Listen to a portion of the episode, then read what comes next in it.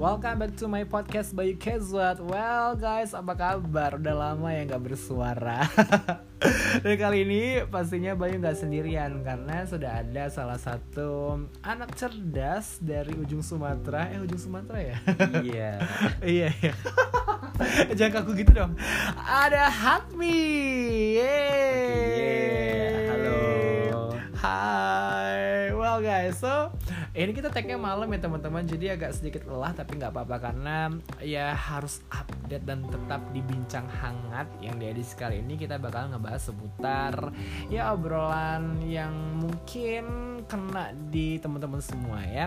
Anyway, Hatmi apa kabarnya malam hari ini? Ya baik, Mister Kam. Ya baik sih meskipun cuaca lagi dingin ya habis hujan. Habis hujan tetap ya? semangat sih untuk ya berbicara hal-hal baik untuk kalian semua. Ayo benar-benar ya. Tapi apakah yakin pembicaraan kita ini menuju ke hal-hal yang baik? Semoga aja baik ya. well, um, kira-kira karena Ami sendiri sudah bilang ya kalau kabarnya baik, kira-kira bahagia nggak sih untuk saat-saat ini aktivitas sekarang ini membuat hati bahagia kah? Atau mungkin bagaimana perasaannya selama beberapa hari ini kayak gitu? Oke, untuk beberapa hari ini memang agak sedikit struggle ya misalnya kayak banyak tantangan baru kayak cuaca ya cuaca akhir-akhir ini juga kayak mendung hujan-hujan deras gitu dan ya khususnya aku nggak suka dingin ya sebenarnya tapi ya harus disemangatin aja karena ya harus semangat dipaksain diri untuk terus tuntut ilmu gitu Tapi kadang-kadang kalau kita misalkan pura-pura semangat atau sebenarnya kita lelah, kita harus kan bilang lelah kayak gitu. iya nggak bisa dipaksa untuk semangat terus gitu nggak sih? Mm-mm. Tapi ya ada beberapa hal sih yang harus kita itu berpura-pura bisa atau lebih tepatnya berpura-pura tersenyum di saat kita tidak bisa tersenyum. Oh gitu. Iya. Ah, ah, maksudnya gimana sih? Aku Oh. kayak kurang berpura-pura. Maksudnya itu kayak Ah. ya kita memang diharuskan untuk senyum sih di depan orang, tapi kita nggak bisa membohongi diri sendiri kan kalau misalnya kita tuh lagi nggak mau senyum, kayak misal kita lagi dapat masalah, banyak problem gitu, ya normal sih kalau misalnya kita harus sedih, tapi nggak salah juga kalau kita menutupin kesedihan kita itu di balik sebuah senyuman. Oh iya benar-benar ya.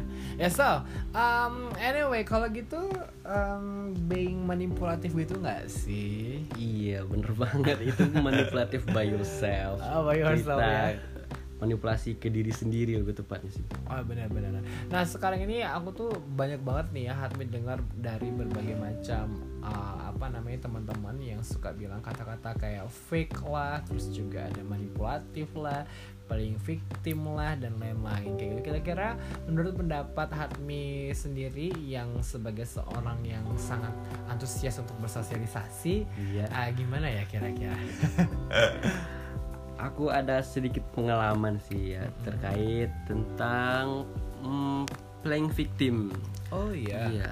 Ini based on experience yang mungkin bisa dibilang pengalaman yang tidak menyenangkan di mana seseorang itu bisa aja ber- berkelakuan sebagai seorang korban Oh, padahal gitu. dia yang ngelakuin sendiri tapi dia juga bertindak sebagai korban Sa- salah satu contohnya kayak ada loh misalnya dalam study case eh, dia itu telah melakukan sebuah kesalahan gitu tapi dia tidak mau mengakui kesalahannya itu yang dilakukan oleh dirinya.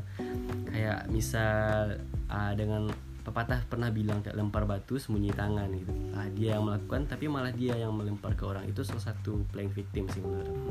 itu termasuk uh, dari apa namanya dari bagian ah bagian dari manipulatif itu sendiri iya gitu ya? manipulatif banget itu malah. Oh gitu. Tapi semisalkan kan case-case seperti itu kan sometimes mereka memang uh, sadar ataupun juga nggak sadar melakukan playing victim tersebut kan gitu. Kalau kasus yang pernah aku sendiri apa namanya uh, alami gitu ya Iya. kadang mereka yang playing victim itu tidak merasa kalau mereka itu seperti itu gitu loh nah maksudnya adalah ketika ada salah satu case otomatis ada dua perspektif yang berbeda gitu Iya. loh Ah, menurut Hatmi sendiri kayak gimana sih untuk apa ya dan kita kan harus aware uh, terhadap orang-orang ya gitu dan ini kan mempengaruhi cara kita bersosialisasi kepada orang-orang gitu Hmm.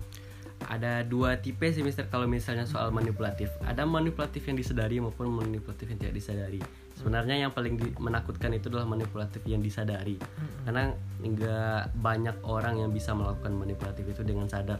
Karena hanya kayak ya bisa dibilang mereka itu cerdas kalau bisa melakukan sebuah manipulatif.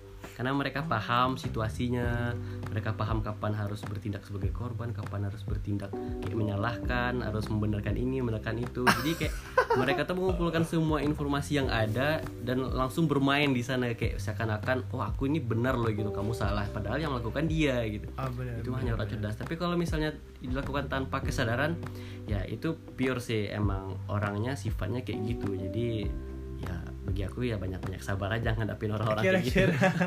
Pengaruh pengaruh ataupun juga semacam uh, causes ya kenapa sih orang-orang itu bisa menjadi seperti itu gara-gara apa sih? Atau apakah ada faktor yang mendasar? Misalkan mungkin aku percaya karena aku tuh orangnya horoskop banget gitu kan. Ya itu dipengaruhi oleh beberapa zodiak. Ya seperti misalkan Leo terus juga Pisces gitu kan. Iya. orang-orang yang manipulatif dan private. Tapi I'm sorry gitu aku nggak judge teman-teman Leo dan Pisces ya tapi kan ya, ya mungkin teman-teman merasa lah ya. Nah, I'm sorry Leo dan Pisces ya tapi menurut Hatmi sendiri kira-kira ada nggak sih faktor yang mempengaruhi kenapa orang itu bisa sedemikian itu gitu loh memanipulasi sesuatu kayak gitu loh. Ataukah ada pengaruh dari mungkin ya masa lalu ataupun juga ya siapa tahu hormonal gitu kan atau kepribadian yang lain-lain kira-kira menurut Hatmi sendiri seperti apa? Kebanyakan yang aku tahu kalau misalnya mereka playing victim atau manipulatif itu didasarkan atas lingkungannya biasanya Mas. Mm-mm. di mana dia tuh tidak mendapatkan tempat yang baik di lingkungannya karena contoh seandainya dia tuh ingin mengutarakan pendapat tentang sesuatu tapi dia selalu disalahkan di lingkungannya karena ya dia tidak punya power contohnya kalau di keluarga dia sebagai anak pasti dia tidak punya power terhadap orang tuanya gitu yang otomatis orang tuanya itu yang punya power terhadap keputusan dia.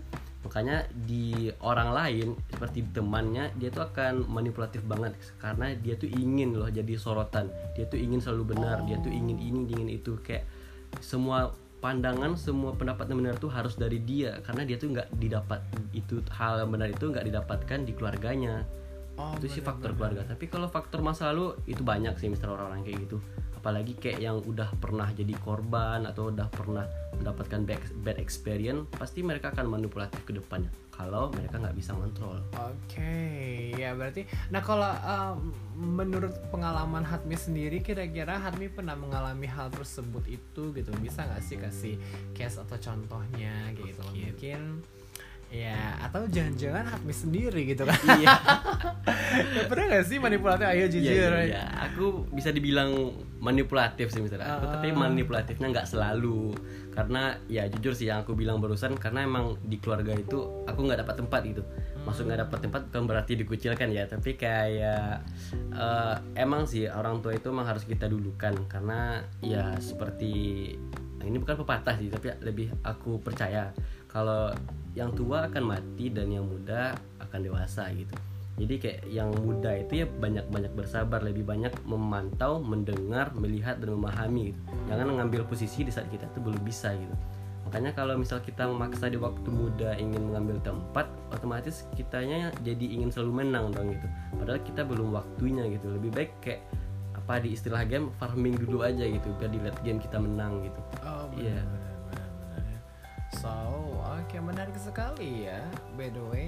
Terus juga kadang ya apa namanya bagaimana sih kira-kira menghadapi ya kalau tadi kan Hatmi mention eh sabar-sabar aja sih tapi kan kadang ketika kita ya akhirnya membiarkan seseorang manipulatif itu terus eksis seperti itu loh tanpa ada perlawanan ya akan merugikan ya mungkin ya kita nggak ngerasa dirugikan ya. Tapi kadang orang-orang terdekatnya pun juga merasa dirugikan dan harusnya mereka itu tuh bisa jatuh sekali kayak gitu loh. Kira-kira Iya. gimana ya caranya buat mereka tuh supaya Sadar. gitu loh. Kalau misalkan memang uh, playing victim ataupun juga manipulatif itu sebenarnya itu merugikan mereka sendiri loh kayak gitu loh mana ya ngomongnya? Kayak misal kita tuh meminta sebuah pengakuan untuk selalu menang gitu. Jadi otomatis kita mempengaruhi orang kan. Misalnya kita punya pendapat A terus orang punya pendapat B kita salahkan gitu.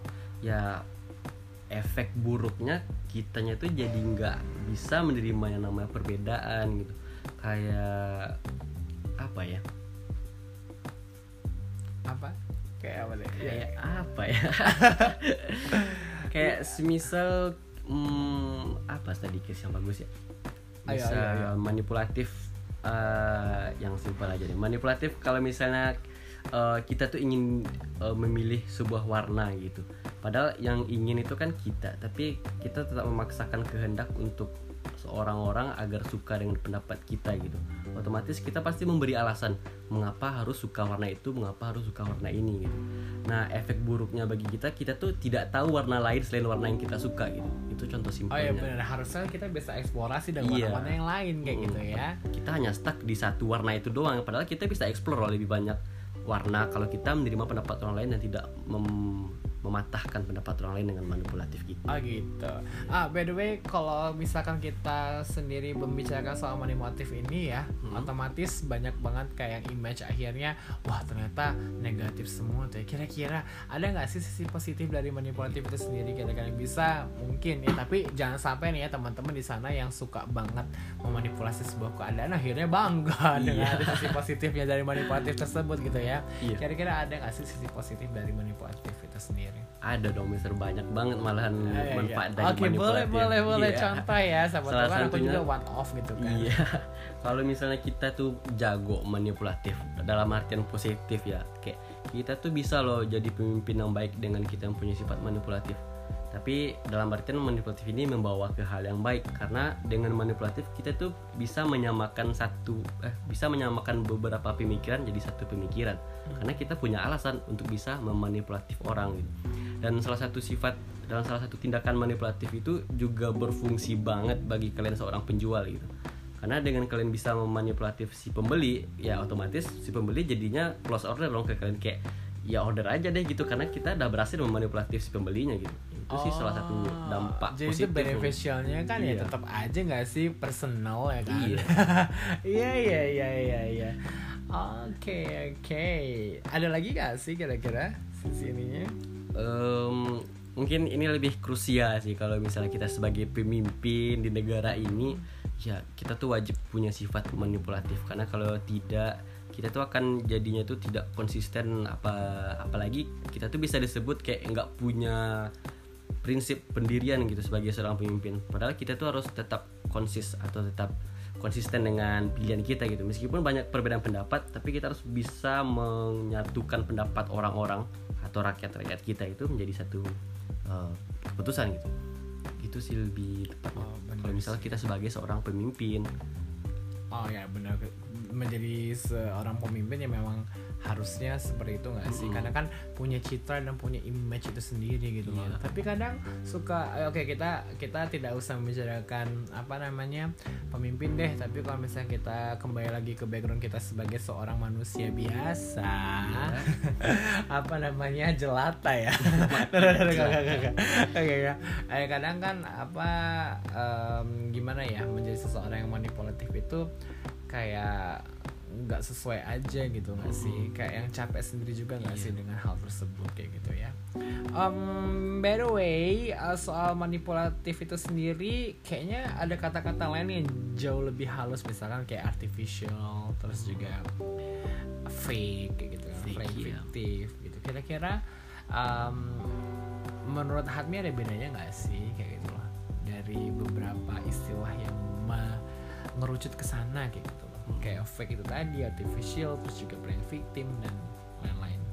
Ya, kalau untuk fake itu jelas sih dari artinya tuh kita udah kayak bermuka dua gimana gitu kan. Padahal yang benar ini tapi kita malah menyalahkan. Yang salah ini malah kita benarkan gitu.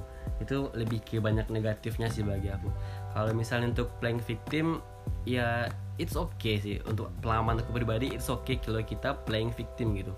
Kayak kita perlu defend diri kita sendiri juga loh gitu. Nggak harus selalu kita mengalah kalau kita salah gitu. Ya mengakui kesalahan itu normal tapi jangan kayak kita tuh udah tahu salah tapi kita malah merendah dan dibiarkan untuk selalu direndahkan orang gitu. Kita juga perlu defend diri gitu. Kayak misal ya kita udah melakukan kesalahan dan kita tuh perlu untuk defend diri gitu. Kayak ya jangan dibiarkan diri kita tuh rendah serendah rendahnya gitu. Tetap lakukan pembelaan. Salah satunya mungkin contoh kalau untuk playing victim itu contohnya misalnya kita yang berbuat tapi kita malah menyalahkan orang lain. Itu kan kita tahu banget kalau kita itu salah. Nah seharusnya kalau kita udah tahu salah kita udah tahu dong apa solusinya. Ya jadi kalau misalnya kita yang nggak mau kesalahan ke orang lain mungkin kita bisa lempar ke orang lain tapi jangan menyalahkan secara personal gitu. Langsung memberikan oh loh kalau misal kamu salah gitu lo salah gitu. Terus solusinya tuh ini gini gini loh gitu. Kan kita juga melempar kesalahan ke orang tapi kan lakukannya kita. Itu juga termasuk playing victim sih bagi aku. Oh. tapi ya dibarengi dengan solusinya gimana seharusnya gitu. Jangan hanya menyalahkan personalnya. Alright, kok aku jadi sedih ya dengarnya? Iya. kalau berarti kan kalau kayak gitu karena mungkin apakah aku ini seorang korban? Iya. ataukah aku juga pelaku? Dan ada anyway Aduh gue jadi curhat ya. Lantas bagaimana sih kalau misalkan kita sudah terlanjur um, Apa namanya Ya apa uh, bersosialisasi atau ya memang sekitaran kita orangnya seperti itu gitu. Karena kan kita harus uh, ya defense yang kata Mhm. Admi tadi yang dengan self love self self love itu sendiri gitu. Iya. kira-kira uh, baiknya kita bagaimana ya kalau udah terlanjur jadi korban kayak gitu nggak sih? Karena kan banyak orang sih bilang kayak aku selalu apa namanya ngeliatin reel di Instagram gitu yang harus ya cintailah dirimu jangan membenci orang lain. Maka jauhilah mereka bukan karena membenci mereka melainkan karena kamu mencintai dirimu sendiri kayak gitu loh. Ya rata-rata sih orang uh, akhirnya membuat apa ya membuat istilah baru yaitu toxic relation kayak gitu kan relationship nanti menurut Hadmi sendiri kira-kira bagaimana ya?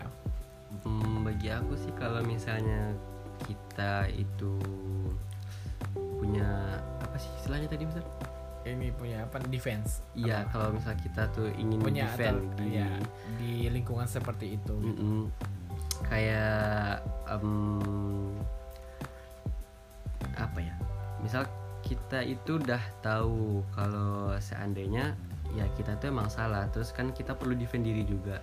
Ya itu itu sih yang dinamakan kayak kita terus pandai ngambil keputusan di mana saat kita itu harus bicara dan di mana saat kita terus diam gitu. Kalau misalnya saat kita itu diam terus kitanya lagi ngomong-ngomel di pikiran, otomatis yang apa yang mereka omong itu pasti yang ditangkap di kita itu cuma negatif aja gitu. Jadinya itu membebani diri sendiri.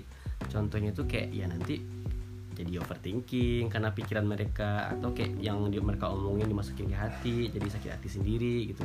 Mending kayak apa yang mereka omongin itu kita telah baik-baik kalau misalnya itu jadi negatif ya kita ubah positif di otak kita masing-masing gitu.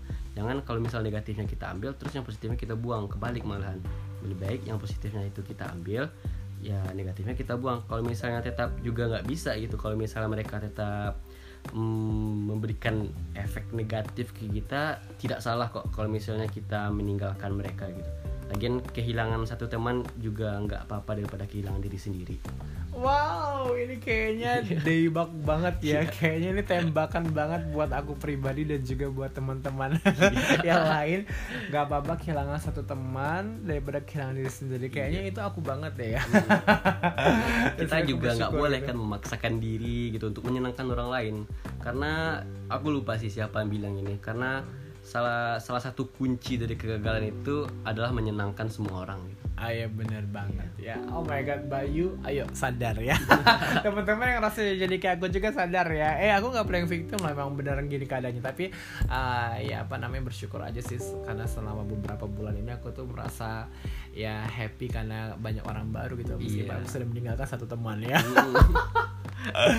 Oke, so the last nih kira-kira Admi mau menyampaikan apa sih ke semua orang yang mungkin eh, masuk atau dalam situasi eh, dengan obrolan kita kira-kira mau nyampein apa ke mereka? Oke, aku ini ingin menyampaikan satu pesan sih untuk kalian semua yang dengar.